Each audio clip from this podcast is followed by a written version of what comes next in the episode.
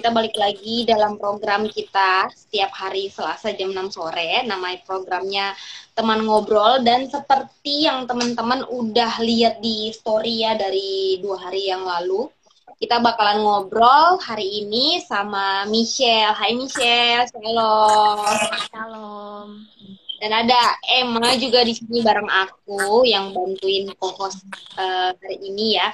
Nah hari ini uh, di judulnya tuh udah ditulis uh, tentang apa namanya tema yang bakalan kita obrolin uh, sore hari ini. Tapi sebelumnya mungkin nanti kita akan uh, perkenalkan diri dulu ya. Mungkin uh, kita juga masing-masing Emma dan aku juga boleh perkenalkan diri dulu karena pasti ada teman-teman yang juga mungkin belum kenal gitu ya sore hari ini dan uh, aku Abigail gitu ya. Shalom teman-teman yang baru bergabung semuanya ya. Aku Abigail uh, host yang bakalan memandu live kita uh, sore ini uh, member dari God Center Community. Jadi teman-teman welcome. Ini program kita namanya teman ngobrol. Jadi kita bakal ngobrol santai tapi berbobot tentunya bisa jadi berkat buat teman-teman semua. Nah mungkin Emma silahkan boleh memperkenalkan dirinya. Uh, halo teman-teman, perkenalkan saya Emma. Uh, saya bekerja sebagai seorang perawat di salah satu rumah sakit di Tangerang tentunya dan um, hari ini proses merangkap menjadi co-host ya. Begitu. Oke. Okay. Thank you. Gitu. Nah, saat ini sudah ada juga Michelle yang bergabung bersama-sama kita. Sekali lagi, hai Michelle. Thank you banget Halo. udah udah mau join bareng kita untuk share kebaikan Tuhan ya pastinya sore hari ini. Dan Michelle ini adalah salah seorang uh, cancer survivor ya. Waktu itu tahun 2000 2011 waktu itu. 2011 dan mungkin Michelle boleh cerita sedikit uh, kegiatannya sekarang itu sedang sibuk apa gitu. Kalau sekarang sih sibuknya mungkin lagi ke kerja sih. Uh, sekarang sih sebenarnya baru lulus, belum belum wisuda tapi tapi aku udah ada kerja uh, di lembaga psikologi juga jadi uh, mungkin lebih fokus ke situ sama lagi fokus buat siapin buat jika Tuhan menghendaki mau S2 gitu. Itu berarti kegiatan sehari-hari ini selain bekerja, uh, aku dengar katanya suka main ukulele juga. Iya. Iya. Iya aku setiap hari setiap hari sih main karena kan gitu. sekalian sekalian apa tuh setiap sebelum saat teduh kayak sebelum doa tuh bisa suka main gitu sambil nyanyi ambil hmm. worship gitu oke okay, oke okay. seru juga ya kalau biasanya kan pakai gitar kalau pakai ukulele kan suaranya unik gitu ya gitu dan seru uh, jadi gampang Iya benar-benar. Dan setiap hari juga sering uh, apa namanya, maksudnya menginfluence teman-teman lewat uh, berbagai sosial media ya. Kalau aku lihat kayak di TikTok gitu kan. Gimana caranya tips? Jadi buat teman-teman ini nanti boleh banget gitu mau share sama Michelle di luar live ini gitu kan. Bagaimana berjuang, bagaimana kayak membangun hubungan pribadi sama Tuhan. Pasti tentunya Michelle dengan senang hati. Nah, uh, bicara soal tema kita hari ini God Greater uh, Than Cancer ya itu adalah judul dari buku yang juga Michelle tulis pada waktu mengalami uh, cancer pada waktu itu ya benar ya iya betul nah mungkin sebelum nanti kita kayak ngobrol-ngobrol lebih panjang gitu kan kemarin uh, sempat di repost juga bahwa hari ini bukan cuma bahas tentang uh, si cancer itu dan bagaimana melewatinya tapi juga nanti mau membahas hal-hal yang lain yang tentunya bisa uh, memberikan semangat dan kekuatan buat teman-teman lain. Tapi mungkin uh, boleh diceritakan dulu pengalamannya bagaimana waktu itu bisa bisa kena penyakit kalau nggak salah kansernya leukemia ya. Mm-hmm, betul. Juang melewati itu gitu mungkin bisa boleh ceritakan dari awalnya supaya teman-teman yang uh, join di live kita hari ini bisa. Oke. Okay.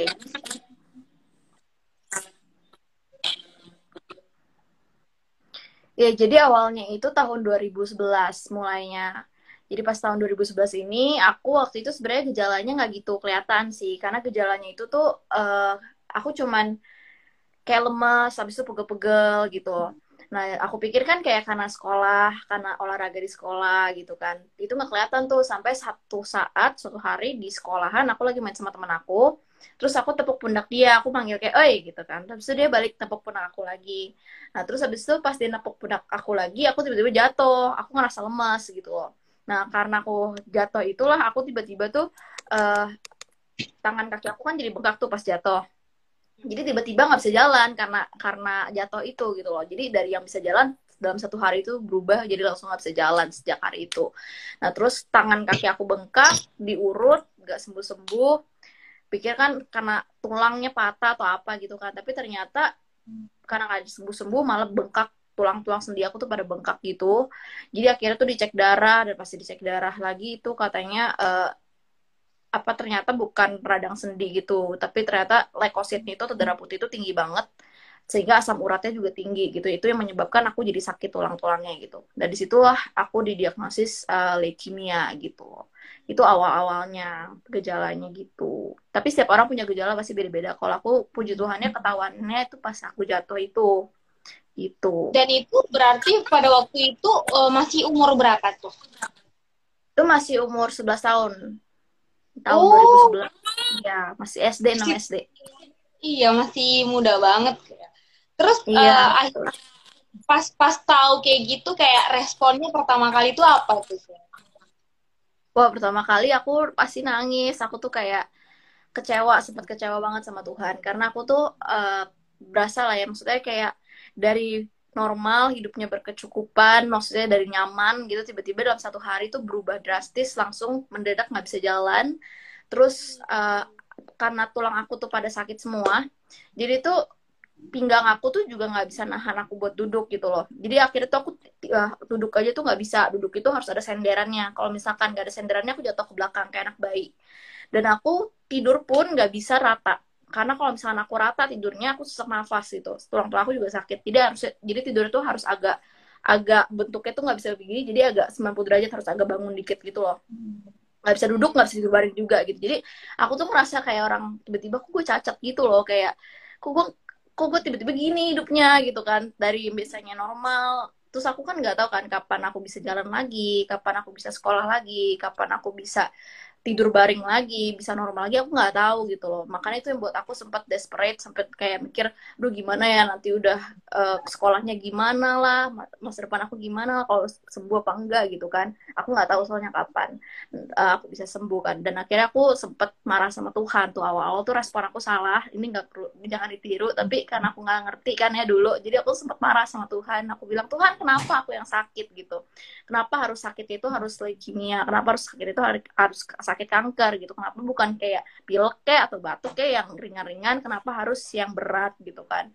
Kayak gini. Dan akhirnya aku tuh sempet berhenti berdoa. Aku berhenti baca firman Tuhan. Aku berhenti memuji Tuhan. Karena aku ngerasa tuh Tuhan gak adil. Dari dulu tuh pas aku kecil aku tuh uh, udah sering baca firman Tuhan gitu. Aku udah setiap hari tuh baca firman Tuhan udah setiap hari berdoa saat teduh gitu ya.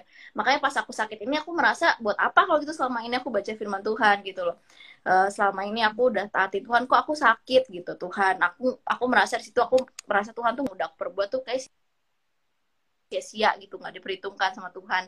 Buktinya tuh aku sakit gitu. Nah pemikiran aku waktu itu kayak gitu gitu.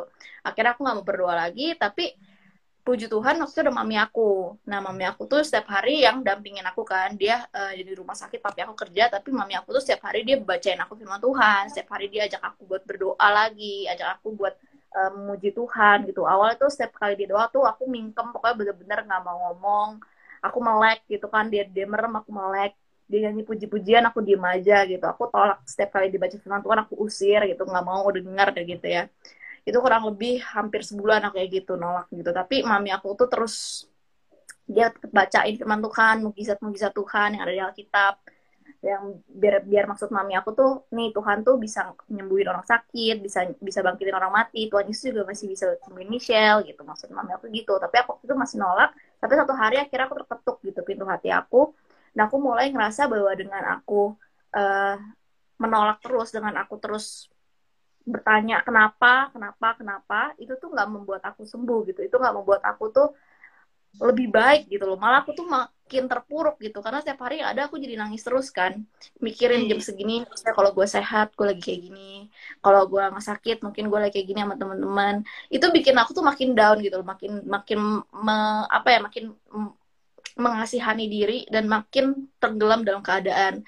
Dan akhirnya aku merasa ya udahlah kalau aku nanya kenapa terus aku nggak dapet jawabannya juga dan aku nggak jadi lebih baik juga gitu. Akhirnya aku bilang udah aku nggak mau lagi tanya kenapa aku udah nggak peduli lagi kenapa bodo amat gitu. Akhirnya aku belajar untuk nanya Tuhan oke okay, nggak perlu lagi aku kenapa aku mau tanya gimana cara aku bisa sembuh gitu. Dan aku ngerasa sendiri saat aku jauh dari Tuhan tuh bukan aku yang untung gitu. Malah aku yang rugi gitu kan. Tuhan mah nggak rugi gitu tapi aku yang rugi gitu loh. Aku yang nggak dapat kekuatan aku yang jauh dari sumber kekuatan itu sendiri aku yang rugi. Akhirnya aku belajar untuk terima firman dari mami aku. Pelan-pelan aku mulai baca firman Tuhan lagi mulai berdoa mau, mau berdoa lagi mulai mau puji-pujian lagi gitu ya. Nah saat aku mulai bangun hubungan sama Tuhan itu, saat aku mulai baca firman Tuhan lagi, di situ baru tuh terjawab tuh semua pertanyaan aku yang zaman dulu gitu ya, yang sebelum sebelumnya aku marah sama Tuhan tuh terjawab gitu. Aku ngerasa Tuhan gak adil. Tadi tadi firman Tuhan bilang Tuhan tuh bukan yang gak adil sehingga lupakan pekerjaan kita itu di Ibrani ya. Dan uh, Tuhan itu bukannya lupa sama apa yang kita perbuat, tapi Tuhan tuh mau supaya kita tuh menunjukkan kesungguhan yang pasti sampai pada akhirnya. Nah itu tuh yang aku pegang gitu. Jadi aku ketampar kan pas aku baca firman Tuhan itu aku jadi mikir kayak oh iya ya dulu tuh aku ngerasa Tuhan gak adil. Aku ngerasa kenapa ya aku sakit? Kok Tuhan kok izinin aku yang taat sama Tuhan kok sakit? Kok orang-orang jahat di luar sana kenapa nggak sakit? Kenapa orang-orang di luar sana tuh hidupnya enak-enak aja gitu?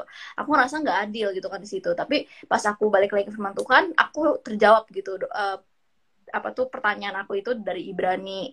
Dan di Ibrani itu Tuhan bilang Tuhan tuh bukan yang gak adil tapi ya mau supaya kita tuh masing-masing menunjukkan kesungguhan yang pasti sampai pada akhirnya. Terus aku juga yang nanya kenapa? Kenapa aku sakit? Gitu kan.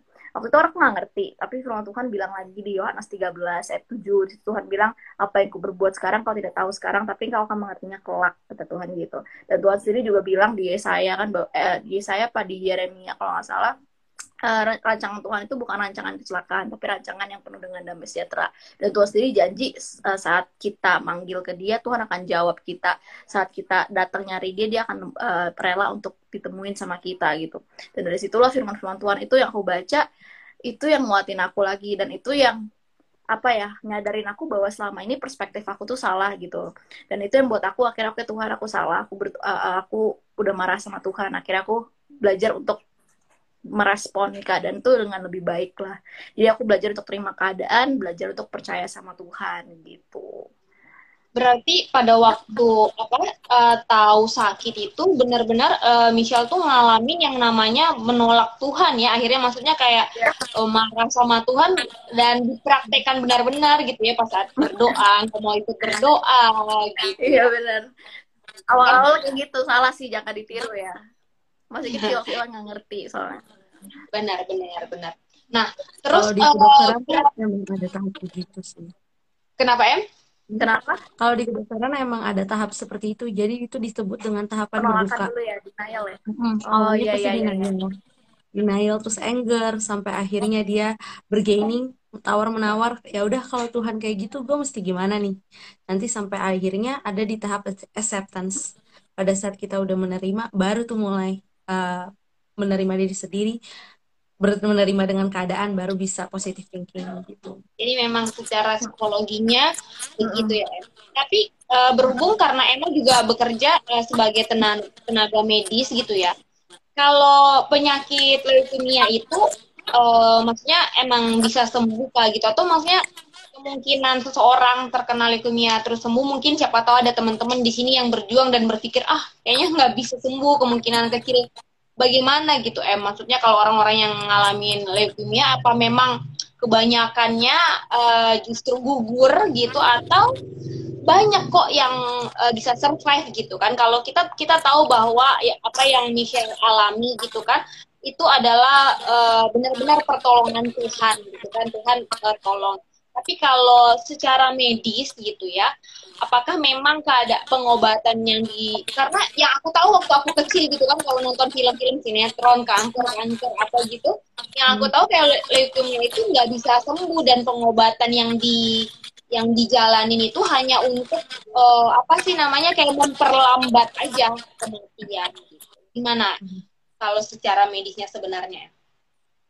Oke, kalau misalnya soal medis sih uh, obatnya leukemia itu sebenarnya kemoterapi itu sendiri. Jadi setiap orang yang cancer dia punya pilihan dia mau radiasi atau enggak kemoterapi. Misal juga dikasih pilihan seperti itu kan. Kalau aku nah, sih nggak milih, dokternya yang kita nggak boleh oh, milih. Jadi udah kayak okay. kamu harus terbaik ya. Iya. Nah, Oke. Okay. Nah, jadi seperti itu. Jadi sebenarnya kalau misalnya mau dibilang angka harapan hidup pada saat orang kena cancer, otomatis sudah menurun. Dan bisa sembuh atau tidak, itu tergantung bagaimana kekuatan dia dalam melakukan serangkaian proses kemoterapi itu karena dokter punya dosis obat tersendiri. Nah, dan perlu kita ketahui bahwa kemoterapi itu sebenarnya suatu saat yang juga uh, dia memangkas habis sel-sel yang pertumbuhannya cepat. Jadi contoh seperti rambut. Nah, rambut kan pertumbuhannya cepat tuh. Jadi um, sama halnya dengan sel cancer ini yang pertumbuhannya juga cepat. Jadi dengan cara dimasukkan kemoterapi, semua sel yang berregenerasinya cepat itu, itu juga dibabat habis. Contoh kita bakalan rambutnya makanya orang-orang yang kemoterapi tuh pasti rambutnya bakalan rontok seperti itu. Kemudian ada gejala mual, lain-lain. Kemudian cancer itu khasnya dia nyeri. Pasti uh, semua orang yang cancer pasti merasakan nyeri. Uh, aku pernah praktek di satu rumah sakit uh, MR Triple C ya, itu rumah sakit cancer. Nah, jadi semua pasien pasti merasakan nyeri dan mereka sampai pasang uh, gesik patch yang untuk hmm. meredamkan nyeri mereka. Nah, yeah. dan di situ kadang-kadang oh, kalau misalnya uh, khususnya untuk cancer mereka pasti kayak merasakan nyeri sampai akhirnya depresi kembali. Jadi sebenarnya buang diserang itu bukan cuma tubuh tapi psikisnya juga gitu. Jadi bagaimana uh, orang cancer bisa sembuh atau tidak bisa pada saat dia meng mengerjakan semuanya itu. Uh, tapi perlu diketahui kemoterapi itu sekali lagi suatu zat yang memang masuk ke tubuh kita yang memang awalnya itu bukanlah suatu hal yang baik kan. Jadi dia juga membuat suatu kerusakan tersendiri dalam tubuh kita. Tapi pada saat kita bisa me, me, apa namanya melewati itu semua itu cuma anugerah Tuhan sih. Karena pada saat itu ada benefitnya tapi juga ada yang kekurangannya. Nah, pada saat si survivor ini tidak kuat untuk menangani semua gejala yang terjadi dalam kehidupan dia atau pada tubuh dia, dia bisa juga selesai gitu dalam hal ini. Jadi seperti itu sih kan. Berarti dalam hal ini kayak ketahanan banting seseorang secara mental maupun fisiknya itu sangat mendukung ya dalam kesembuhan gitu. gitu. Tapi Benar. Michelle kayak gimana sih? Kayak waktu kamu ngalamin kayak nyerinya, sakitnya gitu. Kan kita kita tentunya pengen pengen apa ya? Kan ada orang bilang kayak ya udah berdoa sebut nama Tuhan. Apakah benar-benar ya kuasa Tuhan itu membuat oh ketika berdoa atau ketika menyembah sakitnya hilang gitu? Atau bagaimana? Apakah Tuhan justru memberikan kamu kekuatan ekstra kasusnya di, yang terjadi di Michelle atau memang Tuhan hilangkan rasa sakitnya. Pada waktu Michelle tuh ngalamin uh, masa-masa di mana mungkin sakitnya itu bergejolak banget. Oke. Okay. Sebenarnya beda-beda karena aku tuh uh, efek samping kemo tuh banyak ya. Jadi cara kerja Tuhan tuh beda-beda. Ada yang langsung, ada yang butuh proses, ada yang saat itu juga eh kayak ada yang langsung saat itu aku doa abis itu udah berasa berkurang, ada juga yang harus nunggu gitu loh aku kasih contoh ya waktu itu aku pernah uh, sakit batu ginjal.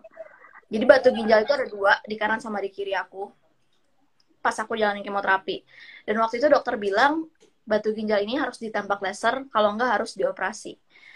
Karena batu ginjal ini tuh uh, ukuran cukup besar gitu loh. Kalau misalkan kecil tuh bisa keluar dari saluran uh, air kencing gitu kan. Kalau ini tuh besar jadi harus di operasi kalau di laser gitu. Tapi harus setelah kemoterapi selesai which is itu kurang lebih dua tahun lagi. Karena waktu itu uh, aku dalam tembok dalam dalam kemoterapi itu nggak boleh tindakan radikal gitu sama dokter jadi akhirnya tuh dibilang mesti ditunda gitu. Jadi aku mau nggak mau ya bakal uh, agak sakit gitu loh pinggangnya gitu. Karena kan emang ada batu ginjal kan gitu.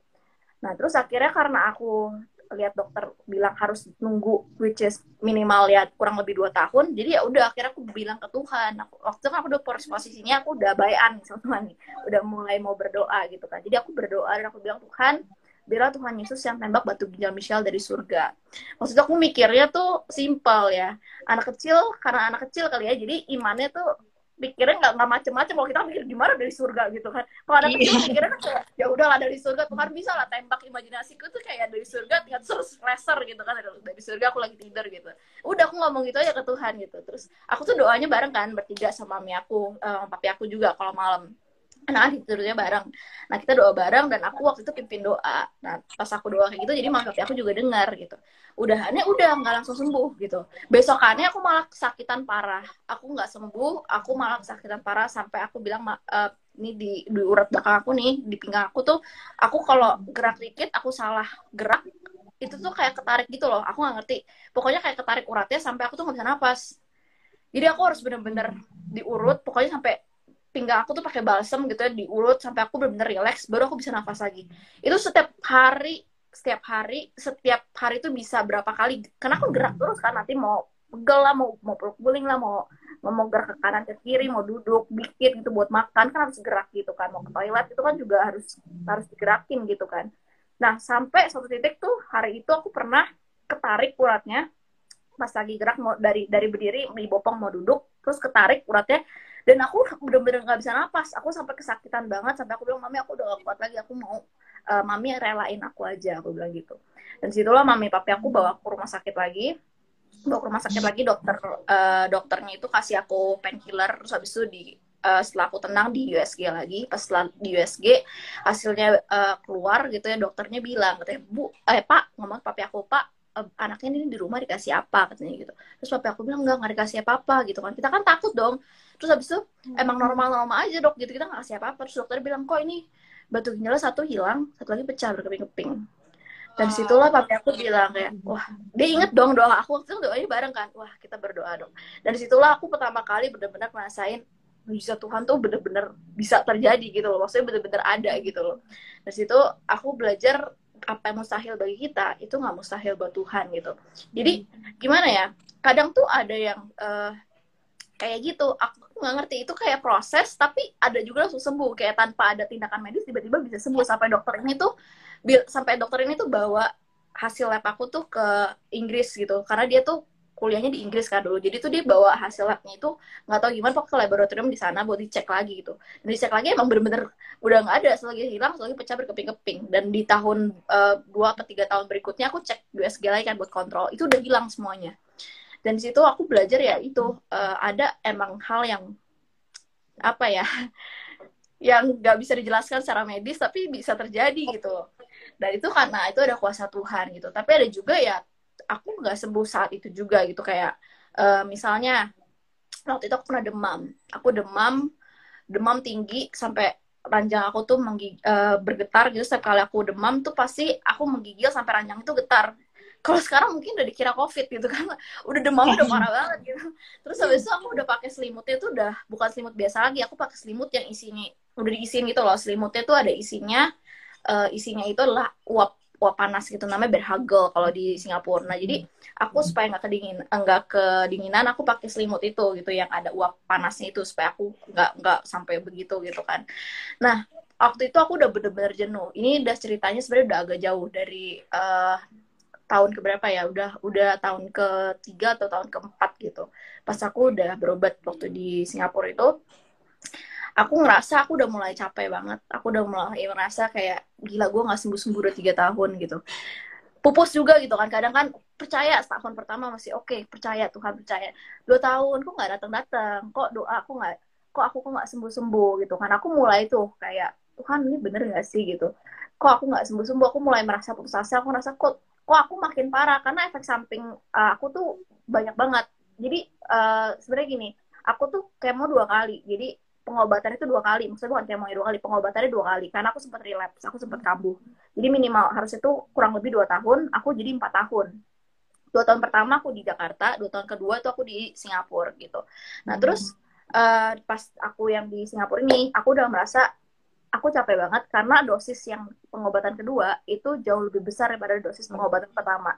Which is itu membuat efek samping kemo itu lebih besar juga di pengobatan yang kedua daripada yang pertama. Makanya pas pengobatan kedua ini aku ngalamin banyak banget efek samping kemo yang nggak pernah aku alami sebelumnya. Dari mata bengkak sampai bernanah sampai nggak bisa ngeliat tiga hari. Terus habis itu aku juga demam transfusi itu hampir setiap kayak setiap bulan tuh ada transfusi tiap minggu demam gitu. Dan aku tuh mulai capek gitu. Karena aku nggak keluar keluar dari rumah sakit. Kayak dalam lingkaran setan gitu kayak cuma ketemunya suster dokter rumah sakit suster dokter rumah sakit. Dan di situ aku bilang ke Tuhan Tuhan aku udah nggak kuat lagi di rumah sakit. Aku mau berhenti kemo aja. Aku bilang gitu aku udah nggak kuat lagi. Pokoknya empat hari lagi aku cuma bisa tahan empat hari aku bilang.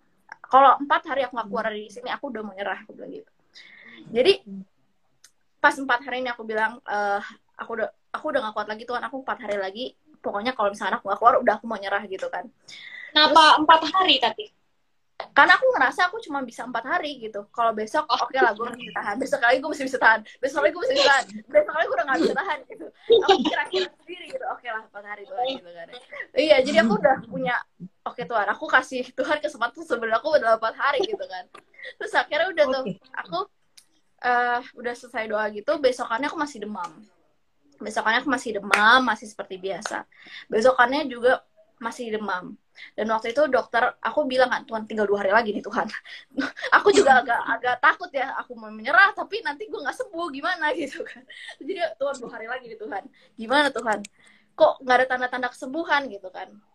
Akhirnya di hari ketiga jadi di waktu di Singapura itu aku pokoknya harus 24 jam nggak ada demam baru aku boleh pulang.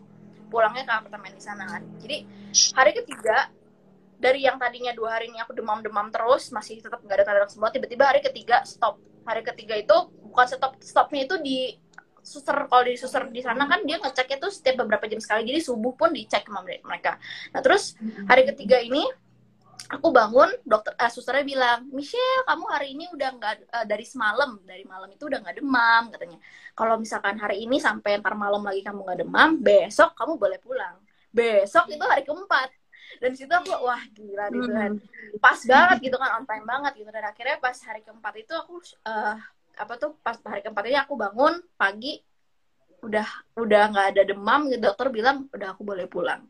Situ tuh aku ngeliat Tuhan tuh Tuhan yang on time gitu ya. Kita mungkin ngeliat mana nih? gitu. Udah udah mepet nih udah dua hari lagi nih Tuhan gitu. Tapi pas hari ketiga plus aku pun aku juga hari ketiga itu kan aku nggak tahu kan. Karena kan uh, aku tidur biasanya tuh kalau aku tidur demam tuh dibangunin sama suster gitu. Karena kan dia ngecek kan setiap beberapa jam sekali gitu kan. Nah pas besokan eh pas hari ketiga ini tuh suster udah bilang katanya dari malam nggak ada demam. Jadi itu besokannya boleh pulang. Jadi udah pas banget Tuhan udah atur hmm. semuanya gitu. Itu deh salah satu uh, contohnya ya. Tuhan kadang ya sembuhin kita ada yang langsung ada yang butuh proses ada yang juga seketika itu juga. Kadang juga ada ya kayak misalnya aku ngerasa pusing atau ngerasa ngerak badan terus aku doa gitu ya dan itu beneran hilang gitu. Aku tengking gitu kan dalam nama Tuhan Yesus Kristus segala pegel gitu ya Tuhan buang gitu. Sampai aku juga berusaha lah kita kan gak cuma doa doang ya Tuhan juga bekerja lewat hmm. apa yang bisa kita usahain. Karena iman tanpa perbuatan kan juga mati gitu kan. Jadi kita perlu berusaha juga dan Tuhan akan pakai usaha kita itu untuk diri kita juga gitu untuk menggenapi yang Tuhan mau juga gitu sih menurut aku ada satu hal yang kayak tadi menarik banget justru kayak tiba-tiba di aku sendiri gitu ya. Kayak mungkin ini buat teman-teman semua kayak pas Michelle kasih kesempatan ini yang uniknya adalah bukan Tuhan yang memberikan kesempatan Michelle yang kasih kesempatan bagi Tuhan selama empat hari untuk berkarya gitu kan. Tapi benar kadang-kadang kita sebagai manusia gitu ya, uh, mungkin teman-teman uh, ada yang lagi ngalamin gitu, lagi menunggu janjinya Tuhan gitu, kok belum, kok belum gitu, udah cepet, udah mepet kayak tadi kata misal. Tapi benar-benar Tuhan itu on time, dia nggak nggak kecepatan, dia juga nggak akan lambat. Jadi on time gitu itu keren banget sih gitu. Tapi, Tapi kalau boleh, kenapa? Sorry. Iya kenapa? Aku potong sedikit tapi aku nggak encourage orang buat tiba-tiba kayak Tuhan pokok kayak ngancem gitu ya Tuhan pokoknya kalau yeah. besok mau dijawab jangan sampai kayak gitu juga ya karena kan beda-beda gitu kasusnya gitu. Kalau aku kan udah bener-bener kayak tuh udah bisa aku juga nggak bilang ke Tuhan besok Tuhan harus ini gitu ya. Kalau nggak aku nggak mau cinta Tuhan lagi pokoknya aku mau mau balik lagi kerja dulu enggak enggak gitu gitu ya. Kita aku waktu itu cuma karena kira-kira aduh Tuhan aku kuatnya cuma empat hari gitu nanti Tuhan yang akan tentuin gitu. Apakah Dan itu, kita akan... itu pengalamannya Michelle gitu kan? Karena di setiap orang uh, berbeda gitu kan? Uh, itu jadi itu bukan kebenaran yang harus dipegang mati gitu. Karena mungkin itu impresi yang tanpa disadari memang datang ke Michelle pada waktu itu uh, dan ya, bilang aja gitu kan. Katanya oh, iya. Yohanes juga janji waktu itu aku juga janji sih waktu itu aku bilang Tuhan kalau dalam empat hari ini jadi waktu itu sebenarnya aku tuh udah diajakin kesaksian beberapa kali di Singapura tapi aku tuh nolak terus karena aku uh, berasa ah nanti aja deh nanti aja gitu. Tapi pas aku udah down banget aku bilang oke okay, Tuhan empat hari Tuhan. Kalau misalkan aku beneran Tuhan beneran jawab aku mau kesaksian aku bilang gitu. Aku mau kesaksian hmm. di gereja gitu. Mungkin karena janji itu iya, iya. jadi aku itu bilang hal-hal yang itu. aku jadi kesaksian betul, akhirnya betul. jadi kesaksian gitu. Karena memang uh, Tuhan itu hubungannya tuh sama kita memang apa ya uh, kalau aku bilang uh, lu tuh bisa tawar menawar sama Tuhan kayak ngobrol aja gitu. Karena aku sendiri uh, mungkin kayak um, meneguhkan ya apa yang uh, Michelle sharingkan aku juga pernah ngalamin uh, waktu aku dipanggil Tuhan untuk kayak melayani Tuhan full time terus kayak nolak-nolak sampai aku ngalamin abses payudara pada waktu itu. Dan aku bilang aku nggak mau operasi. Kalau Tuhan bikin aku nggak operasi oke okay, aku bakal melayani Tuhan. Dan itu benar-benar dikabulin. Jadi sama Tuhan itu selain lu bisa ngobrol tapi juga jangan main-main. Dia iya. benar-benar dia benar-benar Tuhan yang akan uh, apa ya melakukan apa yang dia katakan dan tidak melakukan apa yang tidak dia katakan gitu. Se ya, jadi jangan nutup Tuhan ya. Betul. Benar, Buktinya soalnya kan gini loh. Soalnya kalau misalnya kita bisa nutup Tuhan, kayak aku pun sembuhnya nggak kalau misalkan aku bisa bilang Tuhan Tuhan kalau besok nggak sembuh dari kanker aku nggak mau nggak mau melayani Tuhan nggak bisa gitu juga buktinya Tuhan juga Tuhan masih kasih Tuhan kasih aku empat tahun gitu loh empat tahun aku diproses. Tuhan gak langsung jawab aku untuk sembuh dari kanker. Tapi dalam empat tahun itu dalam perjalanan itu Tuhan mensertai gitu. Tuhan sertai dengan Tuhan jawab doa-doa kecil yang mungkin aku panjatkan gitu ke Tuhan. Jadi waktu Tuhan dalam menjawab itu tuh kita nggak bisa tuntut dia gitu. Tuhan yang punya daulat penuh. Kita jangan maksa dan kita jangan kayak kalau Tuhan gak, gak dilakuin ini kita yang marah gitu. Jangan salah kaprah gitu. Karena kan Tuhan yang pencipta gitu. Kok kita yang ciptaan yang untuk dia? Jangan sampai kayak gitu gitu Tuhan tuh bukan dukun gitu kan ya. Jadi jangan sampai uh, kita tuh kalau misalkan nggak dijawab juga jangan jadi marahnya ke Tuhan juga gitu. Karena beda-beda Tuhan jawabnya tuh dalam satu kejadian ke setiap orang juga beda-beda. Percaya aja timingnya Tuhan tuh pasti tepat. Aku percaya juga Tuhan saat aku bilang empat hari aku percaya itu juga Tuhan yang udah ini ya, loh udah udah taruh di hati. Kayaknya kamu empat hari lagi empat hari lagi aku jawab gitu. Soalnya aku juga sambil doa aku udah udah gak kuat lagi Tuhan. Dan aku sambil doa itu aku bilang baru empat, empat hari lagi kira-kira lah. Aku bilang empat, empat hari lagi kalau misalnya aku nggak kuat baru. Gitu. Uh, tapi sebagai seseorang yang mungkin uh, kayak perempuan apalagi gitu terus waktu itu masih kecil apa sih Shell uh, bagian yang paling membuat kamu kayak sangat hmm, nggak suka atau bisa dibilang kayak benci? Gue ini yang bikin kamu paling nggak suka waktu kamu ngalami leukemia gitu. Apa mungkin kayak pas kemonya atau mungkin ketika kamu jadi rambutnya rontok. Bagian mana yang buat kamu kayak gue benci nih? Apa?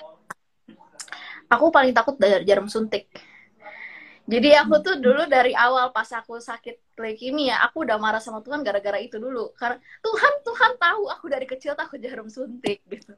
Kenapa aku dikasih sakit ya setiap hari ketemunya jarum suntik gitu. Jadi akhirnya tuh uh, tapi Tuhan tuh baik. Jadi aku over, overcome my fear gitu. Jadi aku menghadapi itu sekarang jadi bersahabat sama jarum suntik. Udah nggak takut lagi gitu. Hmm.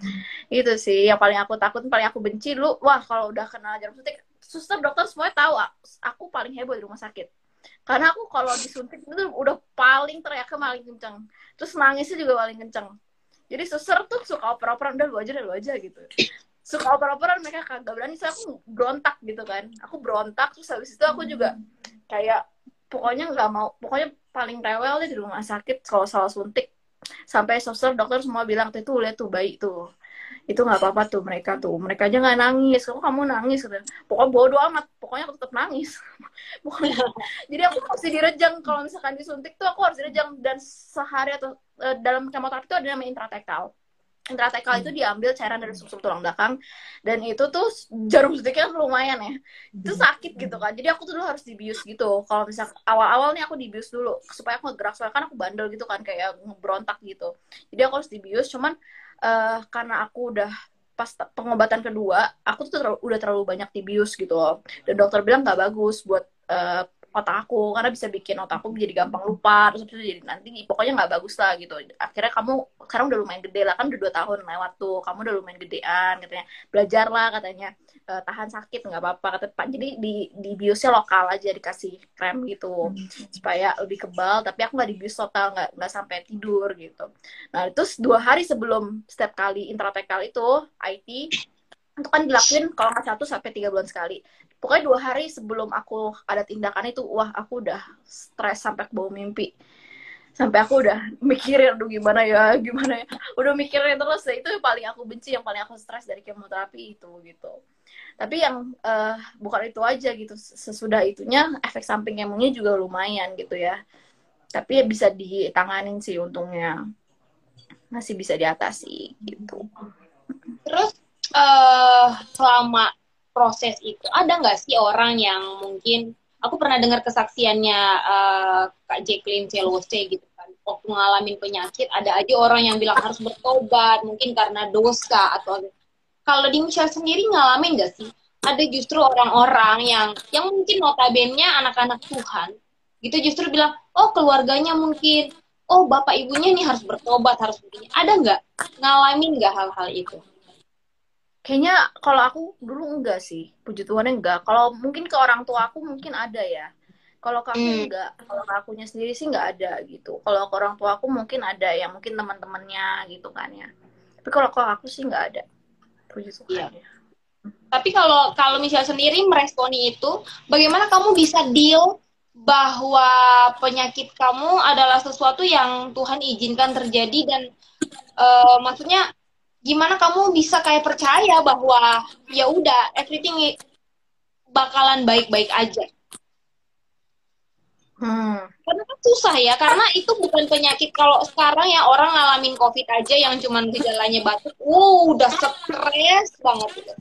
Tapi bagaimana deal dengan leukemia, dengan keadaan kemo dan waktu itu rambut rontok dan kamu percaya bahwa ya udah Tuhan bikin ini untuk kebaikan karena mungkin ada teman-teman di sini mungkin nggak ngalamin cancer ya sel gitu tapi ngalamin yang lain-lain nggak percaya bahwa itu diizinin Tuhan terjadi untuk bikin sesuatu yang baik dalam hidup dia.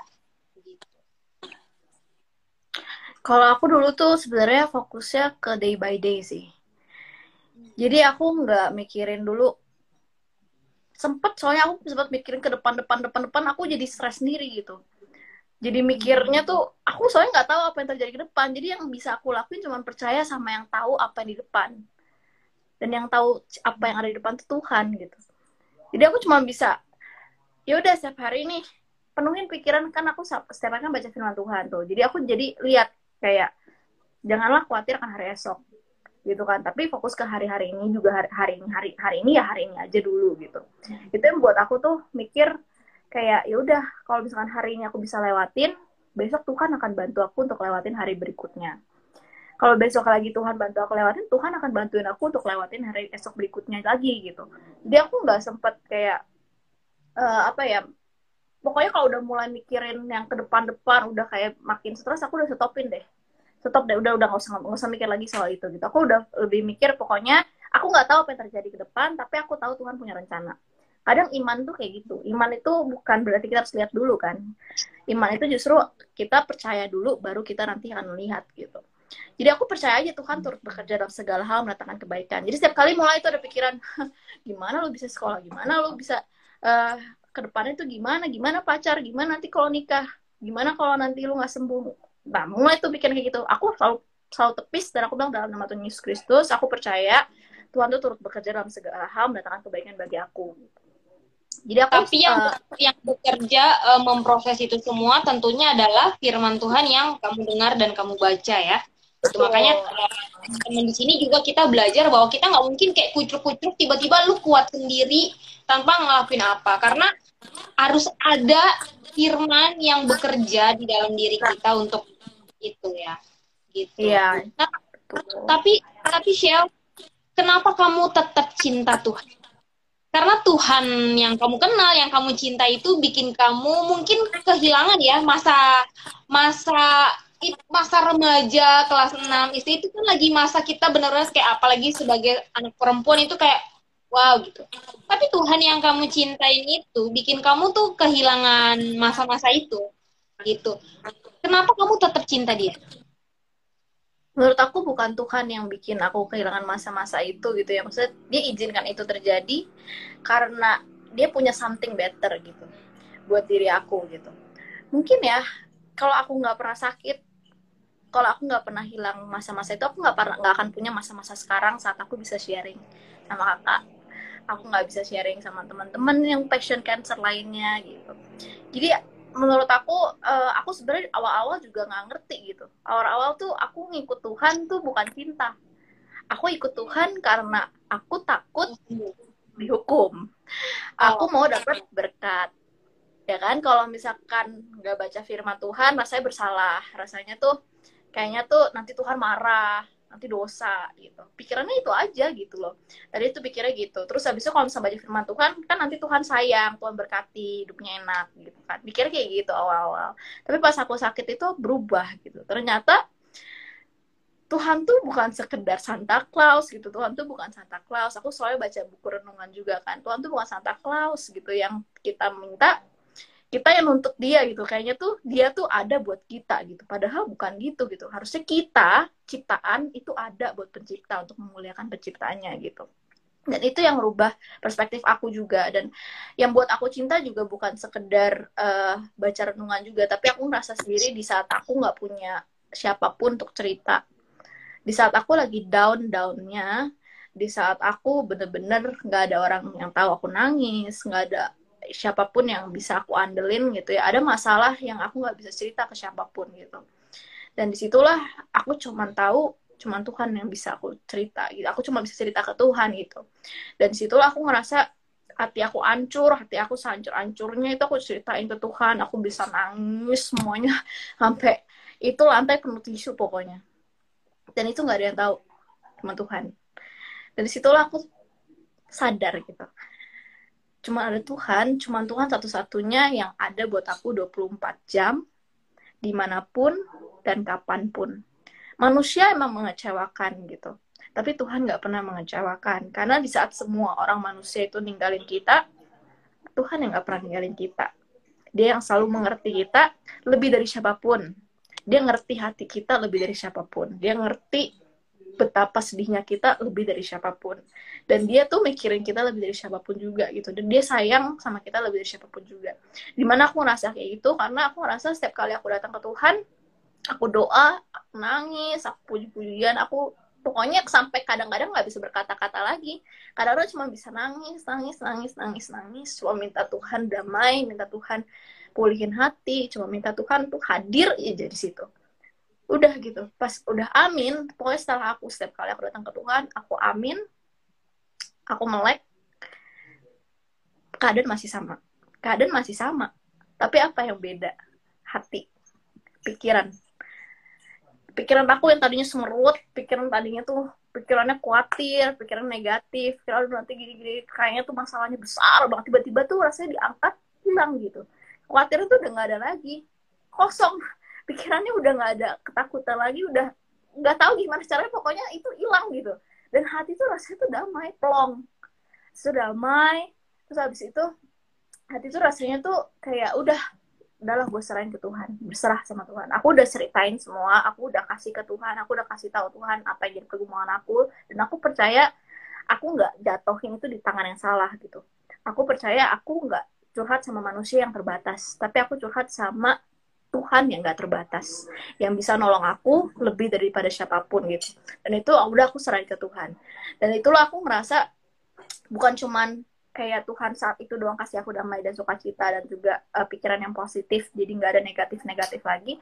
Tapi setelah aku buka pintu kamar walaupun keadaannya masih sama tapi doa itu tuh nggak sia-sia gitu. Setiap tetesan air mata kita itu tuh dihitung gitu loh sama Tuhan. Sampai kadang-kadang tuh aku main sendiri ih ini kan yang gue doain gitu. Kadang-kadang aku suka bilang ke Tuhan Tuhan tolong dong bilangin ke si ini. Aku nggak tahu gimana cara ngomonginnya. Ini kenapa begitu kadang-kadang tiba-tiba orang itu bisa sadar sendiri kayaknya gue gini. Persis sama aku ngomongin ke Tuhan. Sampai aku sendiri tuh bingung kayak kok bisa sama? gitu. Terus Tuhan tuh dengar dan aku ngerasa sendiri kayak Tuhan tuh yang paling sayang sama aku bukan aku yang cinta Tuhan tapi Tuhan yang cinta aku lebih dulu. Makanya aku bisa sayang Tuhan gitu. Karena Tuhan udah cinta aku lebih dulu gitu. Dan aku nggak pernah temuin kasih seperti itu gitu. Kasih yang lebih besar dari kasih Tuhan. Itu yang buat aku tuh wow gitu.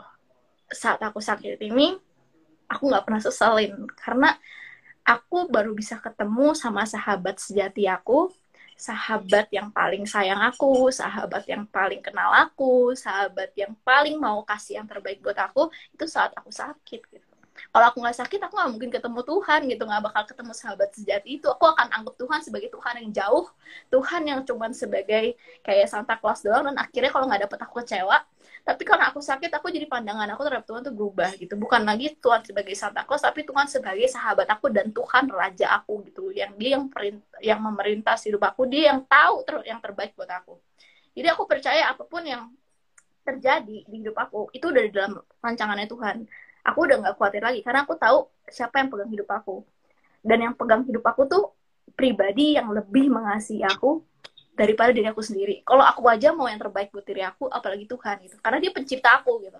Dan aku belajar juga kayak pencipta tuh nggak ada yang apa ya, kayak siapa sih yang paling sayang sama ciptaannya selain penciptanya gitu. Kalau kita masak, terus abis otot kita bikin kue, terus gagal gitu kuenya gitu ya, bantet misalnya, mau dibuang aja sayang, karena kita ya. bikin, kita yang udah susah capek-capek bikin ini kue gitu kan. Tapi kalau orang lihat, aduh nggak enak, udah lo buang aja, karena dia nggak bikin, kalau kita yang bikin tuh kita sayang banget gitu. Itu cuman kue loh. Tuhan itu menciptakan manusia gitu. Manusia itu tuh setiap orang beda-beda sidik jari beda-beda semuanya unik-unik. Dia kasih setiap ini tuh setiap orang tuh beda-beda. Dia rancang setiap kita tuh beda-beda.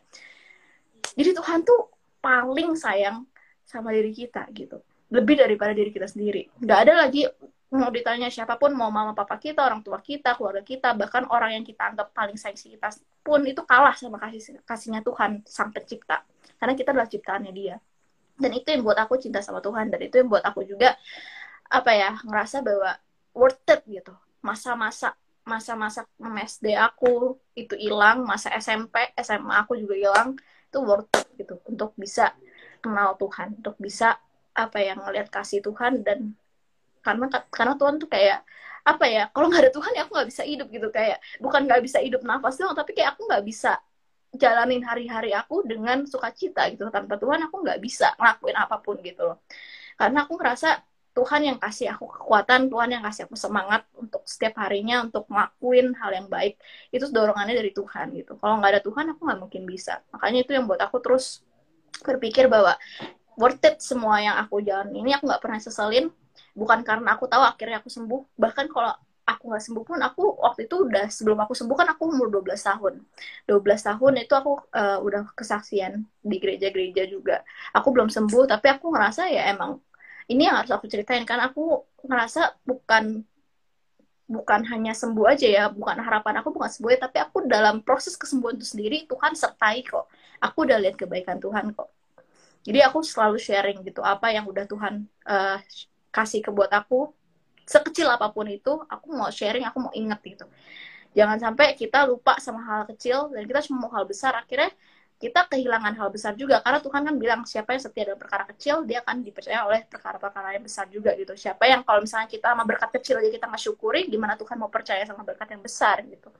Kalau kita bersyukur sama hal kecil kan Tuhan terharu gitu kan kayak wah dia kecil baru segini dia udah bersyukur gitu. Gimana aku kasih lebih Nah, jadi itu yang aku pegang gitu ya, di mana aku ngerasa hal yang paling aku buat, apa ya, hal yang paling aku syukuri dalam kehidupan ini, sebenarnya bukan kesembuhan aku.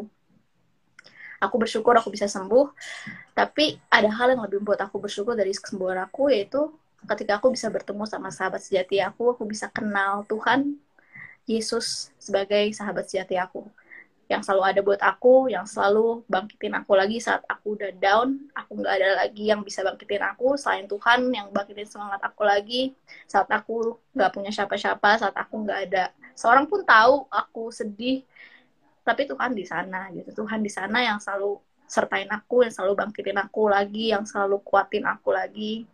yang selalu bawa aku sampai hingga aku ada hari ini sampai aku bisa sharing aku bisa kuliah lagi aku bisa jalanin kehidupan kayak orang normal gitu ya. Dan bahkan bisa sharing tentang kebaikan Tuhan buat bawa banyak berkat buat orang lain. Itu semua ya itu yang aku syukuri gitu. Yang itu yang paling membuat aku bersyukur. Lebih dari kesembuhan ini sendiri gitu. Dan justru kesempurnaan kasih Tuhan itu uh, bisa kita rasain saat kita berada di titik yang sangat tidak sempurna ya. Kayak tadi Michelle bilang. Justru Karena waktu kita mengalami di saat kelemahan lah kuasa Tuhan tuh jadi sempurna. Tapi gimana sih ada ada nggak dampak dari penyakit itu yang mungkin sampai sekarang jadi kayak oh karena ini efeknya gitu? Efek sampingnya sampai sekarang ada nggak? Ada efek sampingnya itu aku kena osteo. Jadi aku udah banyak banget uh, apa obat kemo kan. Jadi itu dia nyerang ke tulang aku gitu. Jadi agak kropos gitu. Tapi waktu itu udah diobatin kayak dikasih vitamin D di infus gitu. Jadi untungnya masih ke treat uh, bisa di treat gitu. Walaupun emang ada kayak di tulang aku sebelah kiri itu tuh ada yang satu yang uh, apa ya kayak aku jadi nggak bisa jongkok terlalu lama gitu. Karena di tulang sebelah kiri ini tulang itu katanya sarafnya udah mati gitu. Jadi dia tuh uh, namanya tuh osteo osteo apa ya namanya aku lupa sih namanya tapi tapi itu pokoknya bikin uh, aku tuh susah buat nekuk gitu kalau yang sebelah kiri Cuman sekarang tuh masih diobatin, masih minum vitamin D terus supaya tulang-tulangnya kembali sehat, jemur jemur pagi gitu kan. Tapi aku udah bersyukur sih kayak makanya aku bilang walaupun Tuhan uh, apa ya kayak kesembuhan tuh bukan yang utama gitu. Karena yang utama itu yang penting aku udah dapet sumber kesembuhannya itu. Kesembuhan di dunia buat apa sih? Kalau misalkan kita juga nanti juga bakal nggak selamanya gitu di dunia gitu. Aku bersyukur aku bisa sembuh bisa sehat sekarang gitu. Makanya aku juga berusaha untuk bisa maintain dengan tetap minum vitamin D gitu kan dengan tetap jemur. Tapi kebaikan Tuhan nggak berubah. Tuhan tetap sangat baik walaupun aku masih saat ini masih uh, apa masih ada efek sampingnya lah yang tersisa tersisa gitu.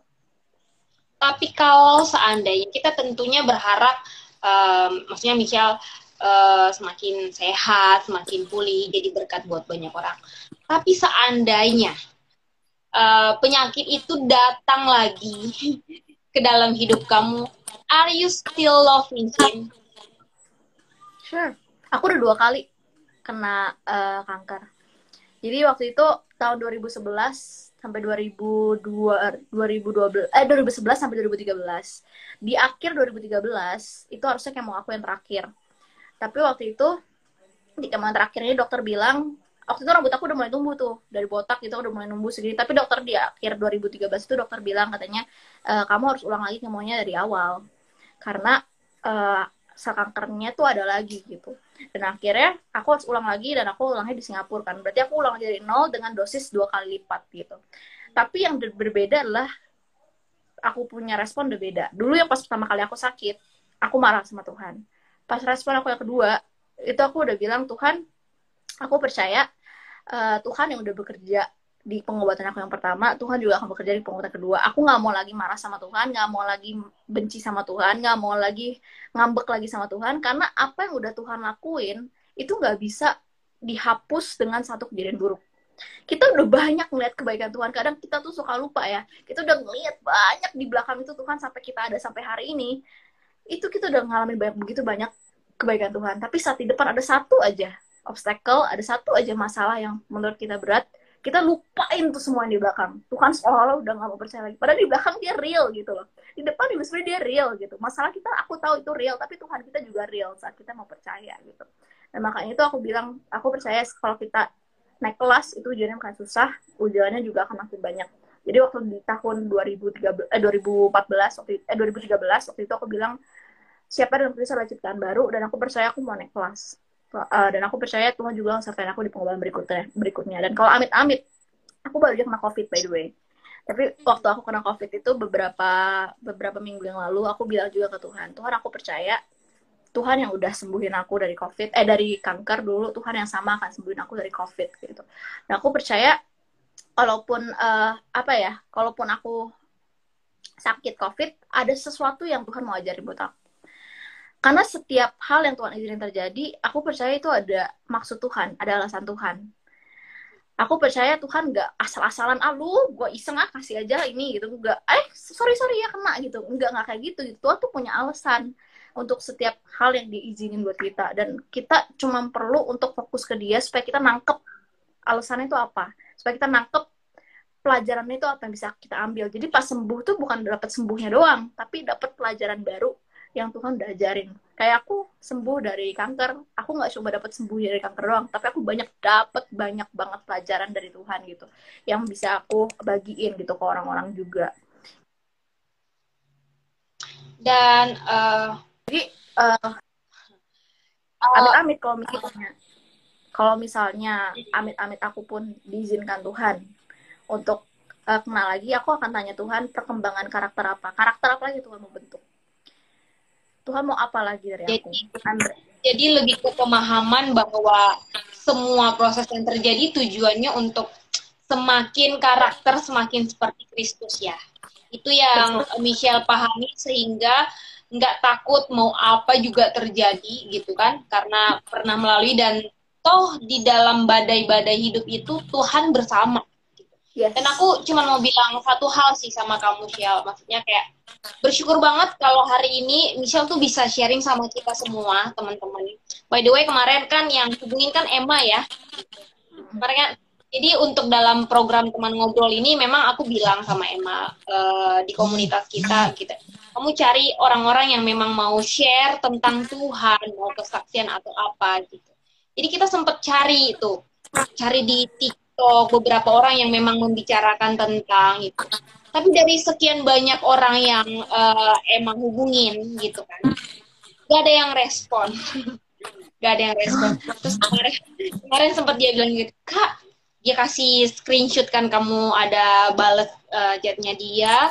Terus dari sekian banyak cuman ini yang uh, respon. Oh ya udah aja. Nah aku sebenarnya sampai kemarin kan memang aku ngehostingin aja untuk program ini tapi biasa emang yang uh, bikin ramuannya lah gitu kan hmm. jadi aku nggak tahu bahwa kamu adalah seorang cancer survivor gitu. Jadi pas kayak wow keren juga kan. Aku sempat scrolling juga di TikTok di Instagram gitu kan. Dan aku cuma mau bilang bahwa karakter yang ini uh, yang kamu mau share itu ke banyak orang itu adalah sebenarnya karakter yang juga Tuhan mau cari, yang Tuhan sedang cari pada waktu itu ngizinin kamu untuk memang bisa jadi saksinya. Tahu nggak sih Syal bahwa sekarang semua orang untuk menyaksikan kemurahan Tuhan itu itu tuh mikir gitu kan apa yang gue dapet terus uh, ke mana gue sharenya gitu jadi aku berdoa supaya apa pun yang kayak kamu alami kamu tetap punya hati yang seperti ini. Share hmm. sama banyak orang. Gitu. Ya, karena aku, iya menurut aku itu udah tugas aku sih. Aku ya. merasa ya karena emang aku ciptaan dan Tuhan tuh pencipta aku gitu. Jadi ini tugas aku untuk memuliakan pencipta aku gitu. Apalagi Tuhan udah begitu luar biasa gitu kan dalam hidupan aku. Jadi aku selalu bersyukur saat ada orang yang mau ajak aku untuk bersaksi. Karena itu kayak kakak ini sebenarnya bantu aku untuk menyelesaikan tugas dari Tuhan gitu. Ini sebagai apa ya kayak kayak di aku anggap itu sebagai setiap orang yang ajak aku saksian sebagai uh, yang bantu aku untuk nun nunain tugas aku ke Tuhan gitu. Karena aku hidup aku bukan buat hidup sampai merinding. Jadi mungkin di luar konteks ya gitu. Uh, aku juga by the way, aku sebenarnya sekarang nih masih isoman, tapi puji Tuhan kemarin udah negatif gitu. Dan di luar, jadi memang sedang bergumul juga ya. Makanya tadi pas kamu bilang gitu, itu kayak benar-benar di aku tuh kayak gitu kayak wow keren banget gitu. Jujur aku dalam masa di mana aku kayak ngerasa kayak gue percaya gue gue percaya banget Tuhan itu ada. Gue melayani Tuhan sekian lama ngalamin banyak. Tapi ngerti gak sih ada masa di mana kita ngerasa kayak flat banget. Tahu Tuhan baik dan Tuhan ada tapi flat. Gue ngerasa kayak kalau gue tanya gue nggak perlu tanya sama Tuhan karena gue tahu jawabannya. Gue kan baca firman. Nah itu yang aku lagi alamin. By the way aku lagi merencanakan pernikahan sama calonku gitu kan nanti di awal tahun depan. Dan dalam proses kayak uh, mau ngelewatinya itu Shell itu banyak hal yang membuat kayaknya gue nggak mungkin nikah nih gitu. Bukannya makin ke arah kayak oke okay, Tuhan support. Makanya tadi pas kamu bilang uh, empat hari itu empat hari kayak udah mau deket itu aku baru barusan banget ngomong sama Tuhan Tuhan ini waktunya tuh maju terus. Tapi kok keadaannya malah semakin nggak memungkinkan di samping kayak kita kena covid aku sama calon kena kita nggak bisa kerja uang makin nggak kekumpul itu kayak banyak hal semakin tidak mustahil. Tapi tapi hari ini menurut aku ya uh, Tuhan tuh bukan cuma kirim Michelle buat kayak ngomong di share live ini teman-teman by the way semuanya gitu ya. Mungkin ada juga yang lagi nonton sekarang ini ngalamin dan dijawab Tuhan gitu kan. Dan aku salah satu orang yang diberkati banget sama sharing kamu hari ini dan aku kayak oke okay, gue percaya lagi memang kalaupun udah besok waktunya gue misalnya nikah terus uh, masih ada hal yang gue khawatirin hari ini gue nggak perlu takut karena memang Tuhan tuh on gitu itu itu yang sangat luar biasa. Makanya uh, setiap kita tuh ngelaluin apa pun dalam hidup kita jangan pernah sia-siain kesempatan untuk kita share sesuatu karena kita tuh pasti jadi jawaban. Memang Tuhan tuh bisa ya bisa aja Tuhan ngomong di hati setiap orang tapi justru Tuhan pakai kita karena bukan bukan untuk kepentingan Tuhan karena justru untuk kepentingan kita sendiri. Kita kok yang diuntungkan dalam semua hal yang uh, Tuhan lakuin dalam hidup kita gitu ya saya dan kalau tadi aku tanya kalau seandainya uh, Michelle sakit lagi apakah masih tetap cinta Tuhan atau enggak? Terus Michelle jawab tentu gitu karena ya seperti buku yang kamu tulis ya yang lebih besar dari cancer itu Tuhan. Jadi tujuannya bukan adalah sekedar sembuh dari si cancer itu tapi adalah mengetahui kebesaran Tuhan. Ya gitu. Mungkin uh, boleh share sedikit bagaimana buku itu ditulis gitu atau mungkin teman-teman di sini nanti ada yang mau beli bukunya boleh banget. Di mana belinya? Mungkin Michelle boleh sharing juga. Oke jadi awalnya sebenarnya aku nggak pernah kepikiran buat bikin buku tapi aku kan suka sharing di gereja-gereja gitu ya di komunitas-komunitas ke orang yang aku kunjungin ke orang-orang yang jenguk aku juga aku sharing gitu. Nah jadi uh, pas aku suka sharing itu ada beberapa orang yang terberkati gitu beberapa orang yang ini sih yang kayak saranin gitu Shell ini bagus banget kayak kamu harus uh, jadiin buku. Kalau dijadiin buku ini biar bisa jadi berkat buat jadi banyak orang gitu kan terus aku mikir kan, aku tuh umur umur 13 apa 14 tahun. 13 tahun, 13 tahun. Jadi 13-an tahun gitu menuju 14, aku mikir gitu kan, gimana bikin buku orang nggak bisa bikin aku kan nggak pernah bikin buku gitu anak 13 tahun gitu kan kagak ngerti apa apa nulisnya juga gimana dari awal juga kagak ngerti gitu kan mulainya di mana akhirnya di mana juga kagak ngerti gitu kan jadi benar-benar aku udah aduh bingung banget. Tapi waktu itu uh, aku berdoa sih sama Tuhan. Tuhan kalau Tuhan mau aku buat buku ini aku akan buat gitu. Tapi Tuhan yang tuntun. Karena aku nggak bisa aku nggak bisa. Aku nggak nggak tahu apa apa Tuhan. Tuhan yang tuntun. Tuhan yang masukin ke otak aku apa aja yang harus aku tulis. Karena aku nggak tahu apa yang harus aku tulis gitu. Mulainya di mana akhirnya di mana aku juga nggak tahu gitu kan. Akhirnya udah uh, waktu itu aku cukup moody sebenarnya. Yang bikin aku mau uh, nulis buku ini juga karena aku tahu aku orangnya pelupa mungkin karena banyak bias juga yang sebelum-sebelumnya itu gitu ya. Jadi itu aku berpikir aku mau nulis buku untuk diri aku juga gitu. Buat supaya nanti aku punya anak punya cucu aku bisa ceritain itu aku nggak lupa gitu bahwa Tuhan tuh pernah begitu luar biasa dalam hidup aku gitu kan. Pernah sembuhin aku dari kanker gitu. Akhirnya aku mulai coba bikin gitu kan. Dan aku juga pengen supaya buku ini tuh bukan cuman buat sekedar buku buat uh, orang yang sakit kanker gitu. Karena menurut aku kanker yang sesungguhnya itu bukan kanker secara fisik. Banyak kayak keputusasaan kita, terus habis itu kepahitan, kekecewaan, itu ketakutan kita itu jauh lebih besar daripada penyakit itu sendiri. Karena aku pegang juga hati yang gembira itu kan obat yang manjur ya. Jadi kalau misalkan mental kita atau kayak serohani kita aja nggak nggak bisa nangan itu kadang-kadang tuh bisa bikin tubuh kita juga sakit dan pengobatan juga jadi nggak lancar kalau misalnya kita sendiri putus asa kita sendiri juga kecewa gitu kan jadi menurut aku ada yang lebih berbahaya dari sekedar kanker fisik itu dan aku pengen bagiin ke orang-orang karena aku juga ngerasain bahwa keputusasaan aku itu yang kayak awal-awal tuh lebih parah gitu. Karena pas aku putus asa saat aku takut dan aku marah sama Tuhan tuh gak membuat aku lebih baik malah aku makin terpuruk kan. Maka makanya aku pengen encourage orang-orang buat kayak uh, apa ya punya mindset bahwa bukan masalah kamu yang nyata doang tapi Tuhan tuh juga nyata.